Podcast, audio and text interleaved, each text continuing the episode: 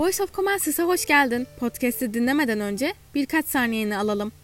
Comensis, büyük veri, kullanıcı deneyimi, yazılım ve bulut bilişim alanındaki çözümleriyle dünyada önde gelen markaların dijital dönüşümlerine öncülük ediyor.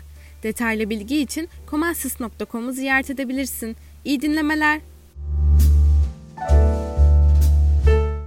Hi, Josh. Thanks for uh, joining uh, ex- or accept our invitation uh, today. Uh, we are uh, pl- we have a pleasure with you uh, to have you here. Um, today. we are here on behalf of our company, which is called Commencis. my name is Oytun. let me introduce myself a little bit. I'm working as an engineering manager for the backend team and we have uh, approximately 20 backend engineering engineers working with us and I have Emre today with me. Uh, who organized this uh, interview uh, actually. Uh, and Emre do you have any words for uh, introducing yourself for the beginning? Hi. sure. Uh, my name is Josh Long. I work on the Spring team. I'm a developer advocate on the Spring team and um, just very happy to meet y'all. Yeah thank you. And Emre do you have a few words here? Yeah. Um, um, hi, Josh. Uh, first things first. Um, I I'm very very happy and um, honored to to to get that exception for for this invitation. Thank you for your time and uh, good morning. Good morning and happy New Year. Likewise to you as well.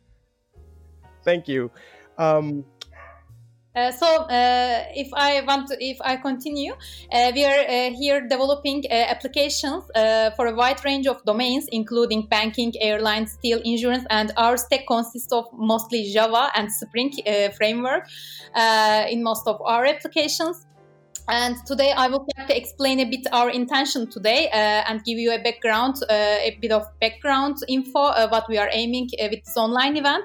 Uh, so last year we have initiated an in-house uh, podcast content publishing in our company, which we are publishing the content in Spotify, which allowed us to be able to share our knowledge and experience that we gained during our projects, trainings, meetups, and events on various topics. So, uh, and Emre had the idea uh, to invite you uh, for talking about some hot topics and new technologies and to find out what you think about them and maybe give some um, advices to our developers and our teams. Uh, and we would like to have this in a conversation mood.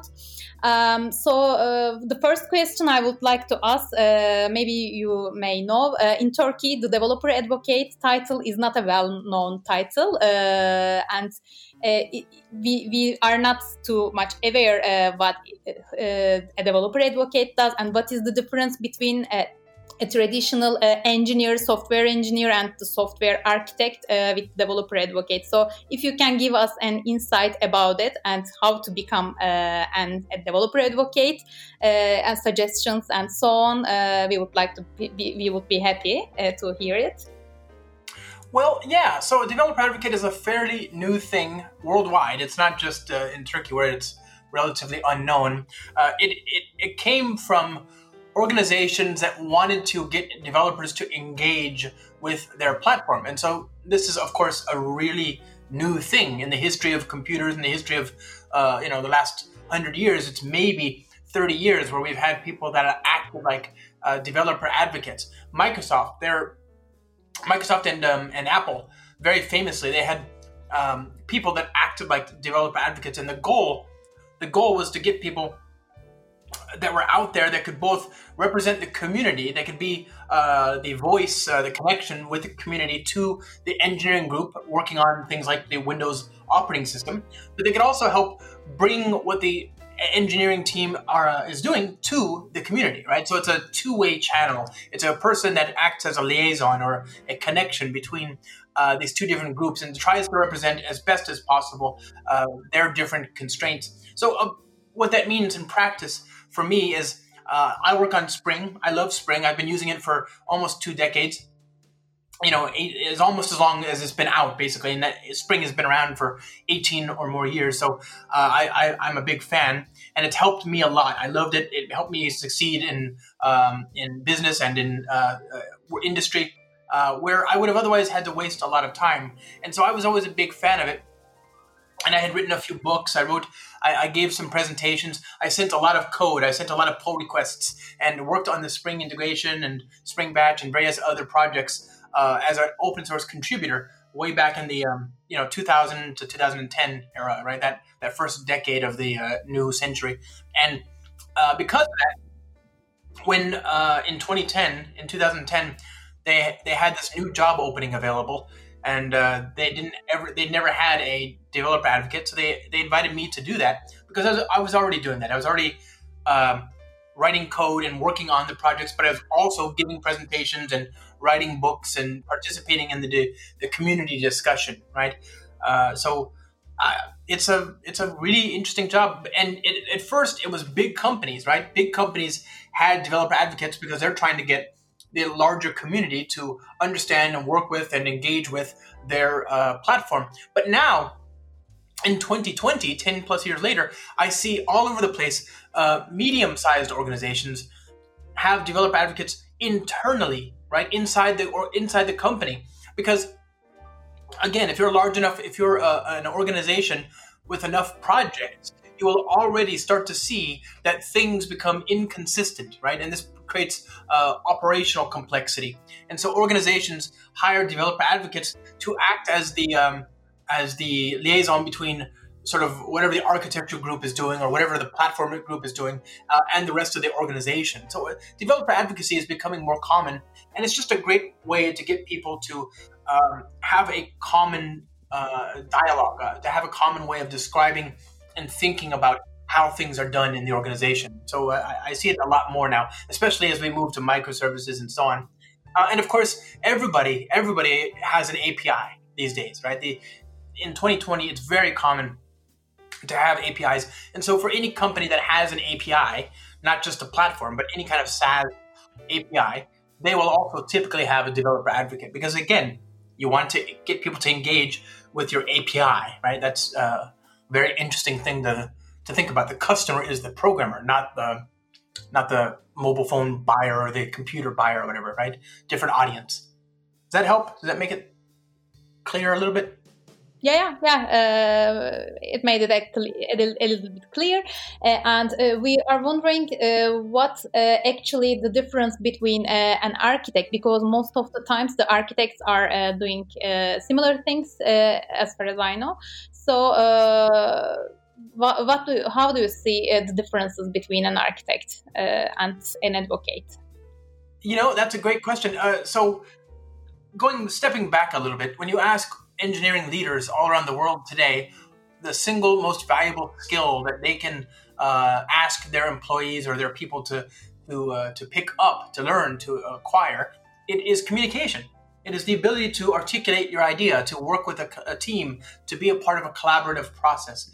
Uh, and so that's very important. It doesn't matter what you're doing. Actually, if you think about it, it's really a matter of ratios, right? The CTO today, their job is to connect the technology part of the organization with the business. And so the skill that they have is collaboration, is communication, right? And, and this is a skill that anybody can pick up and they should pick up. So when you think about CTOs, when you think about architects, when you think about developer advocates, it's just a stronger uh, inclination towards communication. It's a st- stronger inclination towards collaboration, right?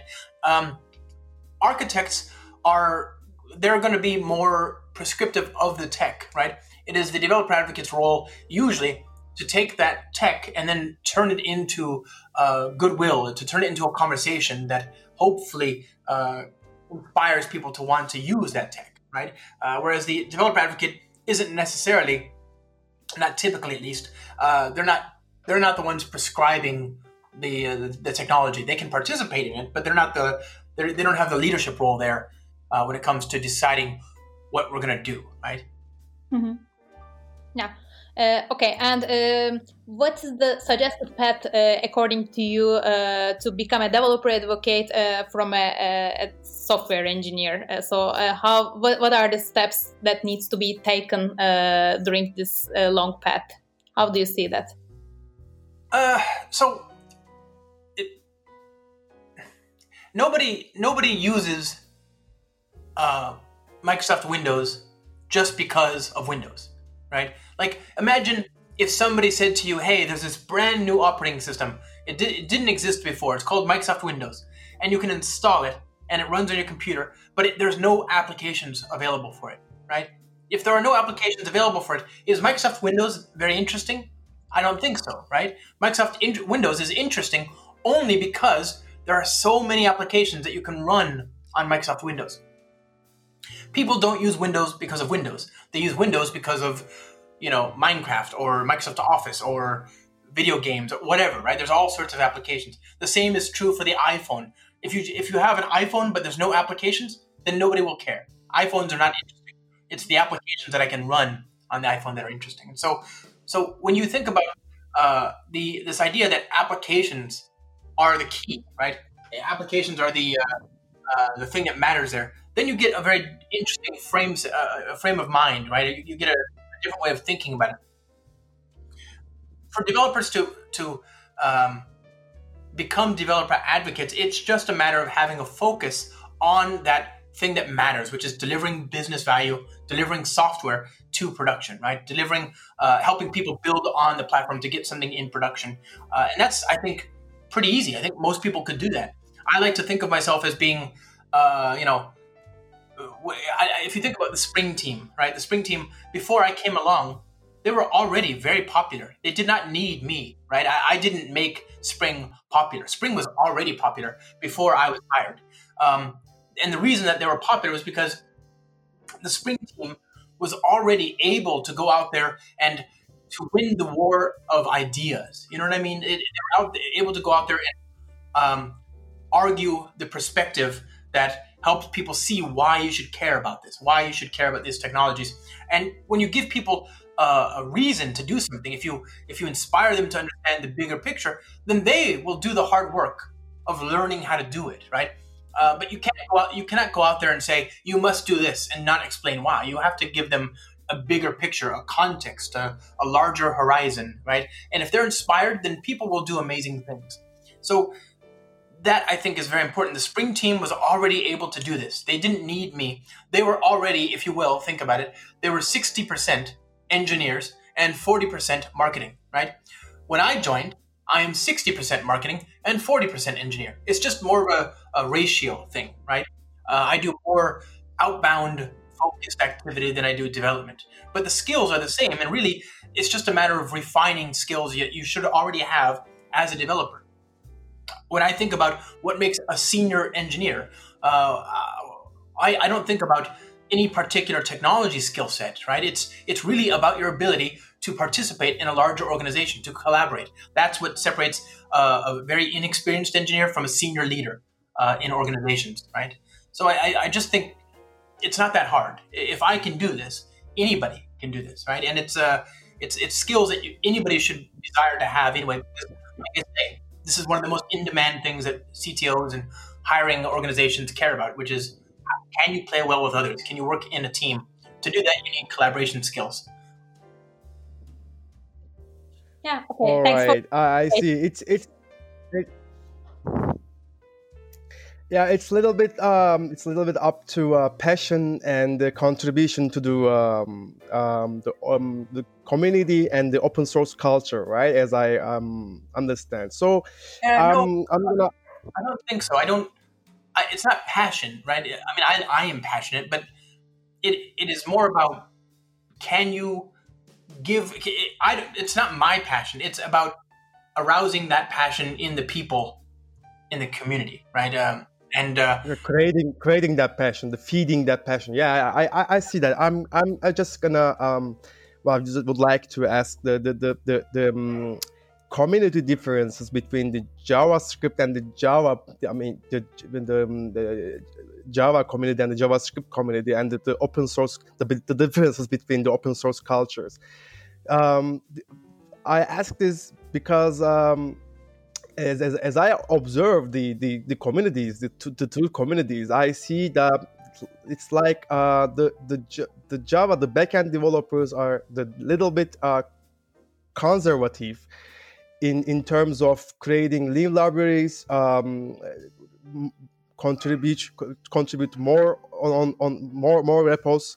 But the, the JavaScript part, the JavaScript um, developers and or advocates, um, they are uh, creating almost two frameworks in a, a year um, in terms of um, uh, web front end development. And um, how would you how would you see this this difference, and how would you see the JavaScript um, evolution over the backend technology, over the backend um, industry? Actually, um, how how this this this all uh, will be will be um, li- look like in the future? I I think that there's a, uh, a continuum, a timeline. The Java industry, the Java ecosystem, was very volatile. If you went back 20 years ago, uh, I think you would see that the Java ecosystem was just like the JavaScript ecosystem is today, right?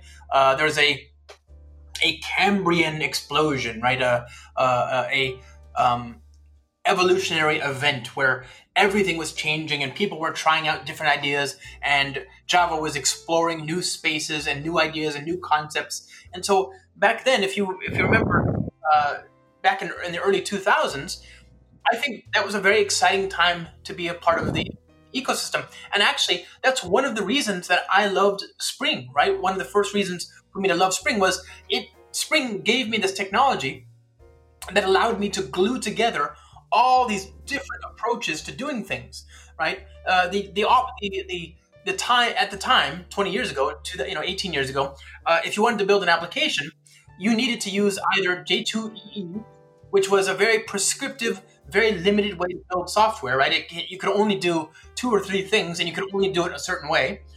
Or you had to build all this stuff and integrate it yourself, right? And so neither one of those was very uh, appealing. Spring came along and said, look, we will provide you a component model, a consistent way about a, a consistent way to think about uh, building services and software, and we'll integrate lots of things. So you can use, uh, you know, uh, JDO for Java persistence, or Apache OJB, or JDBC template, or iBATIS, or JP, uh, you know, uh, Hibernate, or you know, all these different things. It wasn't just one size only. We we made it so that you could use all these different approaches. Uh, and then same thing for the web framework, right? You could use Spring uh, with Struts. You could use it with Spring MVC. You could use it with Tapestry. You could use it with with Cocoon. You could use it with JSP and servlets. I mean, just all sorts of different integrations. Uh, and that that and the reason we had so many different integrations was because at the time there was just so many new things being developed all the time. And uh, I think as the industry has matured, um, we have settled. We have uh, the dust has settled, and so some of the craziness at the lower levels has calmed down uh, I see. I think you're starting to see that right now in the JavaScript ecosystem, and I, you know, that's good. Obviously, you want them to find out what the best approach is because we can agree there are a lot of terrible approaches out there, right? So it would be nice to find a few good ones and settle upon that for the next five years. That helps promote stability, which is very important in an organization. The other thing that is um, that will change the activity levels of a given ecosystem are the sort of environments in which that code is run. So there are new opportunities for there were new opportunities for Java back in the early 2000s and late 90s, and right now there are new opportunities for JavaScript. So, for example, in the, in the early 2000s, uh, we were starting to look at running Java on the server, right? Remember, at that point, server side Java wasn't a big thing, right? Most people remember Java from applets. That's the client side experience, right? Server side Java, that was a brand new horizon. Uh, at the time, we could also there was discussion of being, of being able to run it on the mobile phone with J2ME, right? Uh, and and so on. So there's all these different places where you could take your Java code. Uh, and so that meant that people were trying new things all the time server side, client side, mobile, uh, etc. There's even an operating system, right? There's an operating system based on Java. I mean, there's people are doing crazy things uh, that today we're like, oh, well, you know, it's interesting, but I don't think I would do that today. The same is happening in JavaScript right now, and, and you know, and it's also happening to a lesser extent in the Java ecosystem, right? As new opportunities emerge, you'll see a large amount of activity to support those new opportunities. So today, uh, Java and JavaScript run in serverless. Well, that's a new opportunity that didn't exist when Node.js came out uh, 12 years ago. It didn't exist when Java came out 25 or 26 years ago, right? Uh, when you look at uh, the client side, right? Client side browser based applications, JavaScript, you couldn't do very much with JavaScript. Uh, you know, back in 2004, right? 2004, the JavaScript ran in the browser and you could do very little. And then we discovered uh, client-side requests or AJAX, right? And that changed the ecosystem. And suddenly it became very clear that JavaScript could do a lot more if we pushed it to do more, right? So I, I, I think it's not about conservative or not. It's just about mature, right? Uh, which one has stabilized the most? Uh, and right now, Java is older, so of course it is stabilized. But you'll see today you can run Java in the cloud, you can run it in the server, you can run it in serverless, you can run it on your mobile phone with Android, you can run it um, in the client. There's desktop applications. There's uh, people run Java on you know on Mars. I mean, it's just everywhere, right? Same thing for JavaScript. You're seeing JavaScript now. You know, there's mobile, there's mobile support. There's uh, server side. There's it's just everything.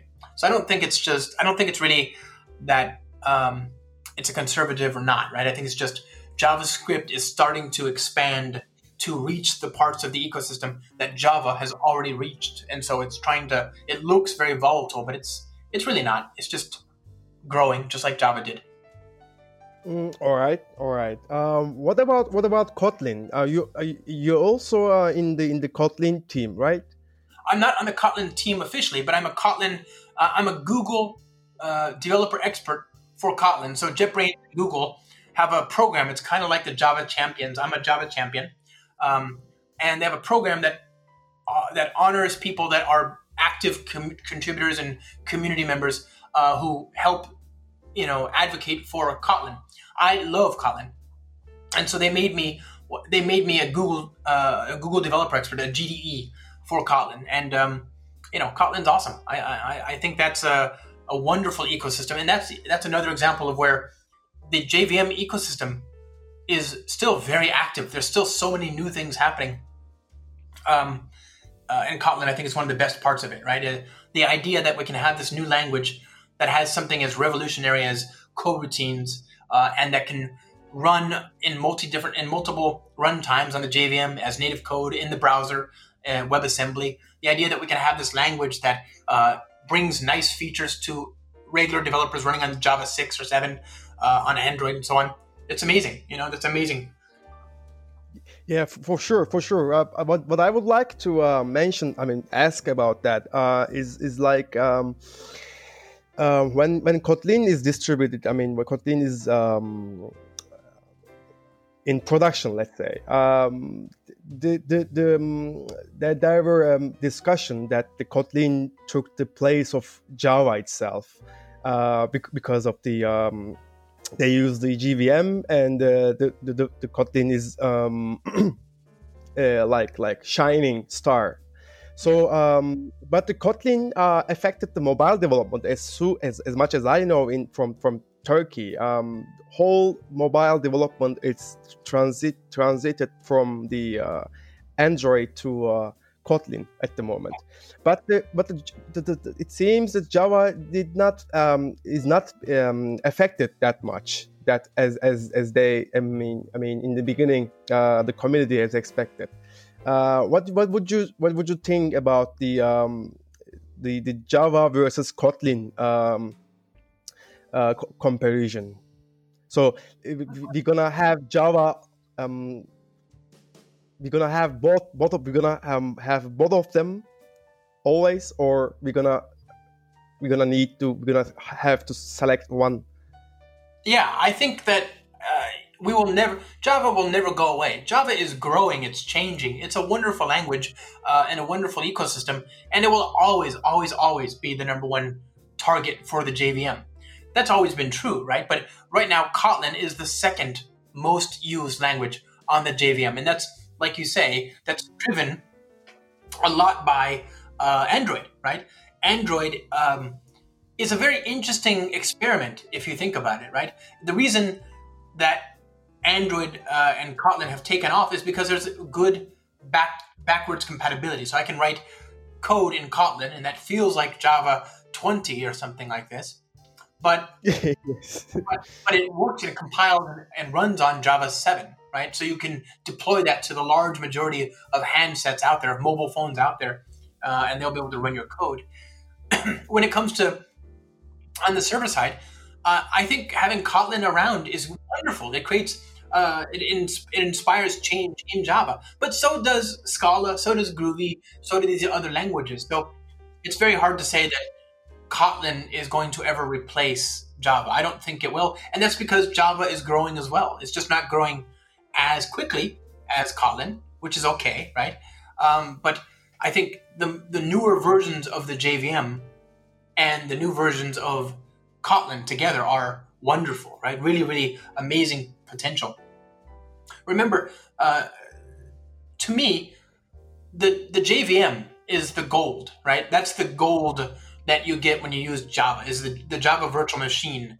That piece of infrastructure is worth billions of dollars in terms of R and D and energy spent over the last twenty five years uh, from countless contributors from all around the world. There's nothing like it. It is one of the most advanced pieces of software in the world, and so that's that's gold. And it doesn't matter what syntax we use to compile to bytecode, as long as we compile to bytecode, right? That JVM is is magic. I mean, it is amazing, and I will never, you know. Did you know that Java is actually very energy efficient? I mean, these are the things that people don't really appreciate about Java, but Java, it's it's among the most efficient ways to write code. If you want to worry about your climate impact, right? If you want to worry about how much energy your data centers are spending and oh, you know pollutants that putting into the ozone, J- Java is up there with C and Rust and C++ and Ada, ADA, right? Very, very efficient, right? Super efficient. I mean, that's crazy. We're not, we don't do anything to our code. We just run on top of the JVM, and suddenly we get this very efficient uh, experience for free, right? What about ARM, right? ARM, um, the, the new chipset from Apple, the Apple Silicon Macs, the ARM is now becoming very popular and it's very energy efficient, right? And so you can run, you can write your code, and it just works on ARM already, right? It's just it works for free. All you got to do is run it, and um, there's ARM chips in Amazon already. You can you can use uh, AMIs that have ARM support, and those are energy efficient as well. So I, I just love the JVM, and so when it comes to the Java language, people will always use that. That's fine.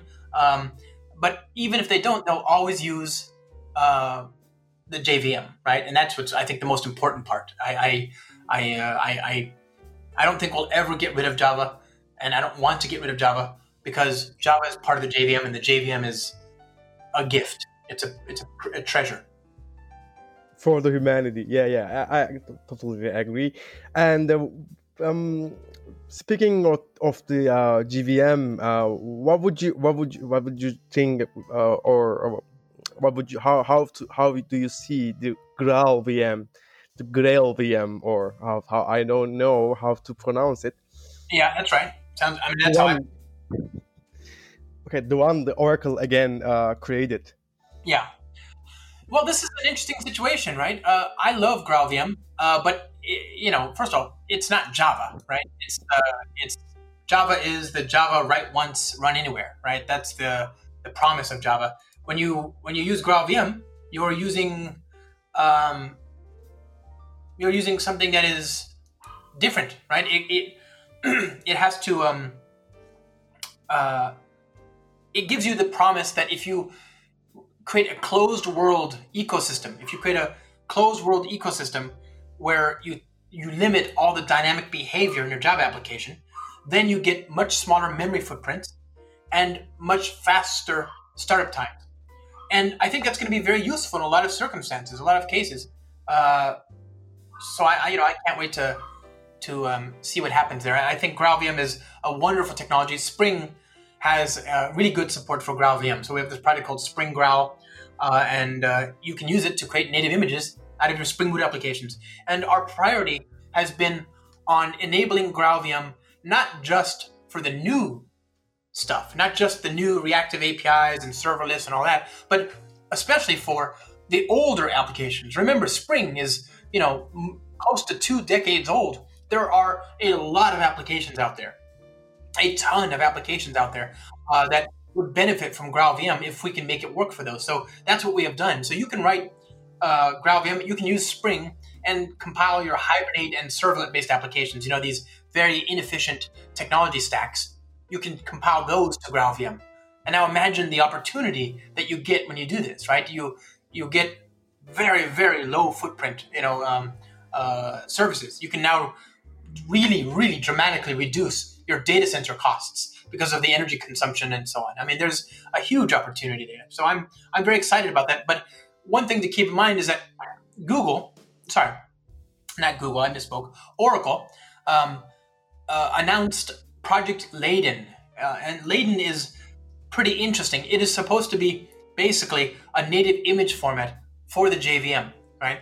So basically, Oracle Labs works on GraalVM, but that's not the same team as works on Java itself, right? So you've got Oracle and you've got Oracle Labs. Oracle Labs works on Graal, and then Oracle works on Java. And right now, these are two different teams, two different efforts, not necessarily integrated together, right? So what I'm hoping is that Project Leyden will result in something like the GraalVM native image builder being in the JDK. Unfortunately, that effort has only just recently begun. It is not uh, it's not a very old effort at all. So it will be, I think, years before we see the native image capabilities in Java in the JVM uh, in OpenJDK, you know, uh, out of the box. Uh, but in, either way, it is clear to me the future is going to have native images in it, right? That'll and then that will be Java, right? That'll be the new thing. Um, and I can't wait. You know, I'm really excited. I can't wait to use Java 17 with you know Loom and uh, Project Panama for native images. Uh, sorry, for native integration and uh, all this nice syntax, and then use something like GraalVM. You know, oh, it's gonna be amazing. So uh, good stuff. Wow! So we're gonna we're gonna have uh, the the option, the, um, the availability of the of selecting the VMs within the Spring. What do you mean? Uh, so we're gonna have the chance of the conf- of configuration to to to choose which VM we would like to work on. I mean, you can do that right now, right? You can use Java, you can use Spring on any virtual machine, uh, as long as it supports Java 8 or later. It doesn't matter, right? You oh, use, okay. Yeah, that's right. Yep. You can use it with GraalVM. You can use it with uh, you know, with AWS's JDK, with Azure's JDK, etc. Right? But what I'm saying is, soon you'll have this option to either do native images uh, using OpenJDK or using GraalVM, right? So the native image is the static binary images that you get when you use the native image builder from GraalVM. That option will soon be part of the JDK. Uh, well, not soon, but in a few years, or you know, something like this. So that's very, very exciting, I think. Yeah, yeah, sure. Um, and um, I would like to uh, talk a little bit about the reactive Spring and reactive APIs of the Spring. Um, and uh, um, actually, uh, how do you how do you evaluate the the the, the um the progress that reactive Spring did with with, with you and your your your um, uh, design or your the team of you? Um, is is is is it gonna be somewhere in the future that that we don't name the the the um, spring uh, as it is? But um, as as reactive spring um, so we we, um, we will we will um, uh, use the spring word the spring for the reactive spring actually that that that time. How would you how would you see that? Or or is it gonna be happen? I'm not trying are you saying uh are you saying that? We we we skip i mean i mean we we um spring will be obsolete obsolete obsolete. And the, the, the all every every, every um, Java architect or every Java uh, engineer uh, start with the project with the Spring.io and the the the, the main um, framework uh, comes out of the box. It's, it's it will be uh, this reactive Spring. That's what what I, I would like oh, to ask. No, no, okay, I see what you're saying. So I don't think that will ever happen. Uh, I don't. Again, we don't want to break our existing users, but for applications where they have three main concerns, then I hope I hope they'll consider uh, reactive. When I say reactive, all we are talking about is a style of programming that is supported in ecosystem, right? And so that's not a single framework or single technology. It's a style of, uh, of programming that is supported through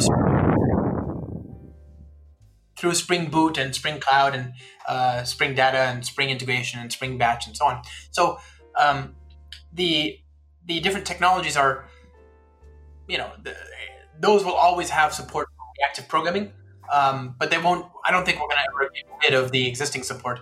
That would make no sense. And remember, uh, you can use uh, Spring and, and, and the non-reactive style uh, and do good things, right? It's possible to to scale as well, but you can scale with that. I mean, it's, it's clear that lots of people have been able to run and deploy software in production at scale uh, with with non-reactive APIs. But if you're building uh, services where there's a lot of network I/O, then reactive programming becomes very useful because it gives you very very good scalability. Uh, it gives you tools to make your software more robust. That is to say, when something happens or fails, you have a toolkit there to handle those failures, right? Because that's a guaranteed at at at scale, things will fail, right?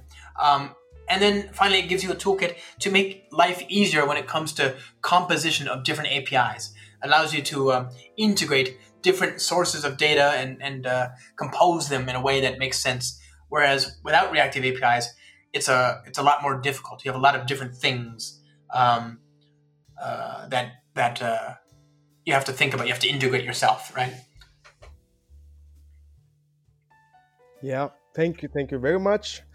Um, and uh, I know we uh, spend the time a little bit, but um, um, I'm gonna ask another question.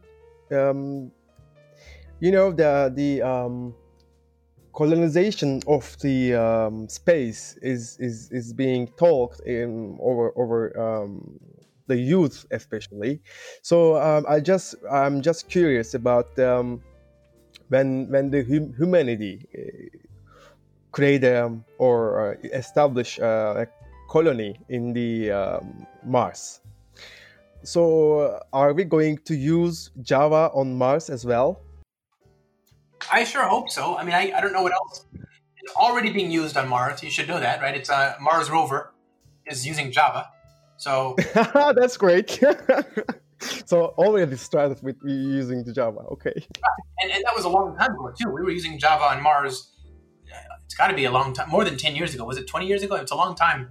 Uh, Mars rover, Java. So uh, I forget when it actually happened. 2010, right? Um, I think it was 2010 or no, something a long time ago, right? We we had a uh, oh here we go, here we go. I found a, an article here on CNET. Let's see, 2004, 2004. We have a we have a remote controlled Mars rover that uses Java, right? So um, wow. That, that's 16 years ago. So Java makes a lot of sense. It's fast, it's reliable, it's uh, it's uh, it integrates with lots of different things. So I would um, I would expect that we would see it there, unless a much better language comes around, you know. I but I don't think it will. I mean, why would it? did you did you uh, that's the last last question that now did you ever uh, think uh, create to, to create a new brand new language language from scratch? Me? No no no no no. Yeah. I, I, I love programming languages but i do not think that they are the difference between a good uh, you know they don't um they they're not the thing that I feel like gives me the biggest benefit, right? Uh, if I want to be successful in a technology organization, the programming language doesn't make the difference, right? Um, I like Kotlin. I think Kotlin is stylistically very nice. I love that it, it can run on old versions of the JVM. I love that it supports coroutines, but it's not a it's not a huge order of magnitude difference between Java and Kotlin, right? They are both very productive, very nice languages. So I've never felt the need to build my own uh, programming language because it doesn't make the big that big a difference. If you take an engineer and teach her or him how to be good collaborators, how to be good communicate, how to do communication. Uh, that will have a much bigger impact than giving them a different programming language. Uh, if you teach uh, an engineer and teach her or him how to deploy, how to think about production, how to write software that is designed for deployment in the cloud, that will have a much bigger impact than teaching him or her a brand new programming language, right? So languages to me are not, that's not the reason that people are successful. It's a part of it, of course, right? I'm not saying that Java is the same as COBOL or something like that. It's not. Obviously, Java is more productive, but it's not. It's not so much that I, Josh, feel like there's a, a, a huge gap, you know, that that that uh, needs to be filled. I see. Um, then I, I give the uh, word to Oytun. And I have a, one question, uh, one more question for the closure part. And uh, we know that uh, you really get used to prepare and present uh, very useful tips and tricks videos on several topics via sharing your screen and hands-on sessions and so on. Uh, so but today since we are having uh, we, we, are not having a, a video uh, material or screen share material here i would like to ask you for a few words suggestion for the developers who work on projects um, you know which are commonly uh, tight scheduled uh, and uh, are having difficulties to uh, manage things uh, to have their uh, tasks to be finished on time. And mostly we are skipping the most important parts for me the most important parts like security and the performance things uh, in the backend projects and also following new trends, uh, technology evolutions, uh, and how do you suggest uh, how you what what you suggest to the developers uh, who work in such kind of tight scheduled projects and follow new technologies and not to skip the most important parts uh, of the uh, applications that are mostly skipped. I'm so was, I'm not trying to understand the question. That you're saying, uh, how do you, what do I suggest that developers who are trying to meet deadlines learn? Uh, Uh, no, not uh, you know that they are uh, trying to meet deadlines, but they are mostly skipping the most important parts, like uh, the performance queries or the security things uh, during the developments, and uh, you know following the trends, the new evaluation technologies, and so on. Because it's very hard to follow these kind of things during the daily routines. So. Right I just want to get your suggestions about uh, how to manage all these things as a developer uh, during the daily routine. Oh, um, well, through through consistency comes velocity. So uh, there are a lot of concerns when you move to microservices, especially right. If you have this movement to microservices, there are a lot of responsibilities that every application has. A lot of con- lot of uh, technological concerns, right? Uh, but we, we call those undifferentiated heavy lifting, right? Uh, that is to say, it's hard work that you have to do that does not change the business outcome, right? So these are you might have also heard these called um, um, uh, what is it? What's the other term? There's another term for it. I, I forget. But these are things that it's so easy for us to say, oh well, that's not gonna, that's not important, uh, and so I, I will, I will, uh, I will wait until the very end. Um, that's not going to work. Obviously, you need to care about these things, obviously, but it's very hard to to uh, rebuild all this stuff from scratch. This is why the really advanced users of Spring have taken the, the Spring uh, capability for auto configuration and used that to develop um, starters, Spring Boot starters that automatically set up things like security, that set up things like observability, that set up things like uh, you know any kind of infrastructure that your applications will need that are the same from one application to the other. This allows organizations to go faster. They have a consistent uh, prototype. They have a, uh, consistent way to go to start.spring.io.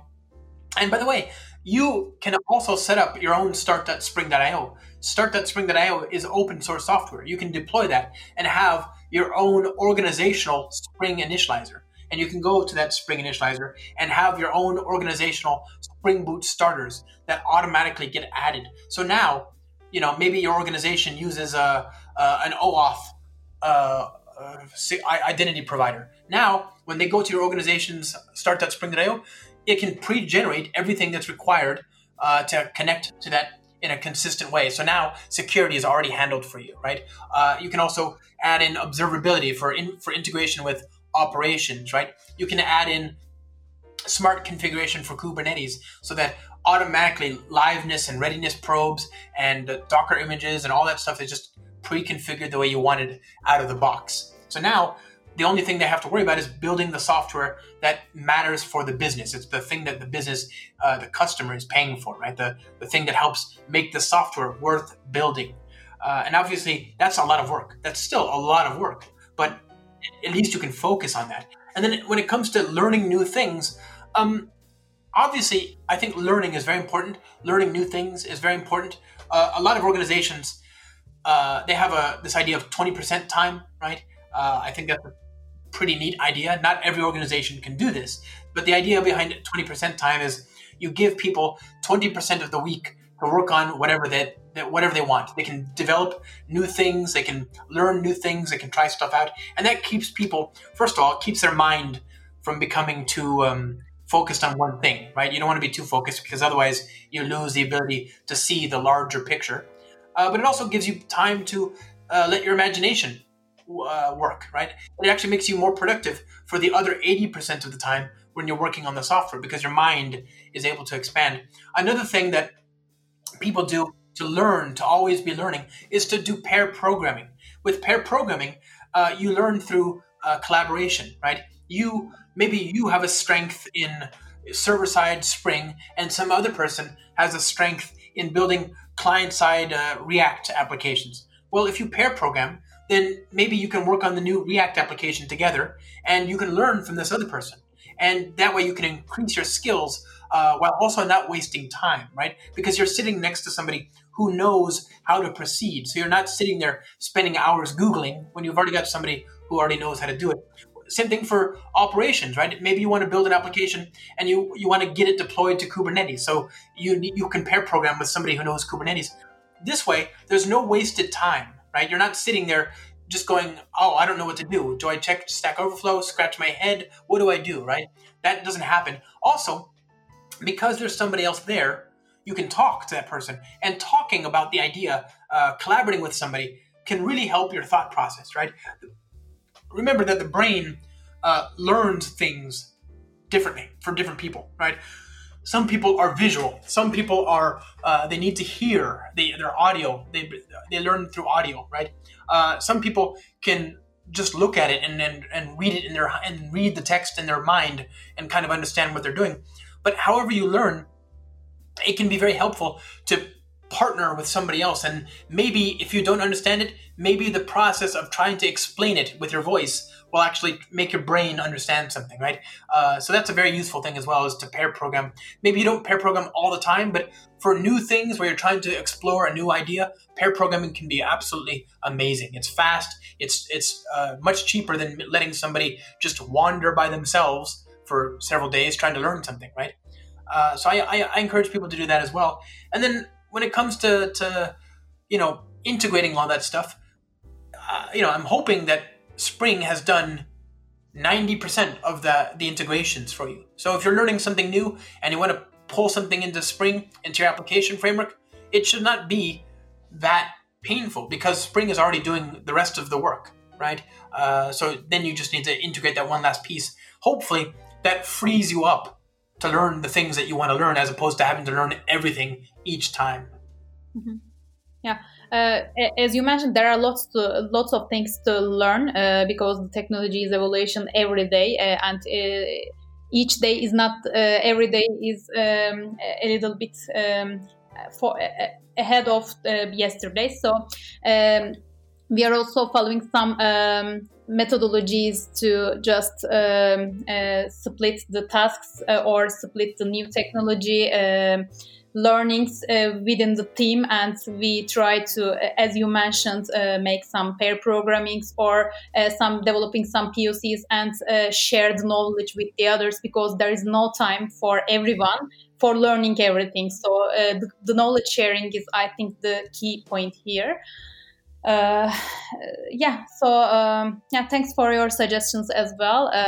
We will try to also follow up um, with your suggestions as well awesome and, yeah and so uh, we, we, said like uh, half an hour but uh, it's almost 50 minutes uh, till the start so thanks for your time and being with us today with this podcast and um, hope to see you again. Uh, hope to uh, meet in another uh, live event or uh, podcast uh, recordings. So thank you very much. Thank you very much for having me. It was a fun conversation, and uh, good luck to everybody. And I hope we can talk again soon. Uh-huh. We will also share the link when it is on when it is published with you. so it will be published on Spotify, and then we will be happily to share the link with you as well please, thank you. I, I, will share it out with my audience. Yeah, thanks. Yeah, yeah, probably I will. I will share with Beth, and then uh, yeah, uh, we'll inform you. Um, thanks again, Josh, uh, for your kind uh, acceptance and um, um, discussion and talk. And that that was fun. Um, that was my first podcast, uh, and uh, it was a great honor uh, to you to, to do that with you guys. Um, thank you very much. Thank you. I had a lot of fun. Yeah. Thanks. So bye bye. Have a great have a great day, Josh. Thank you. You too. Bye bye. Bye.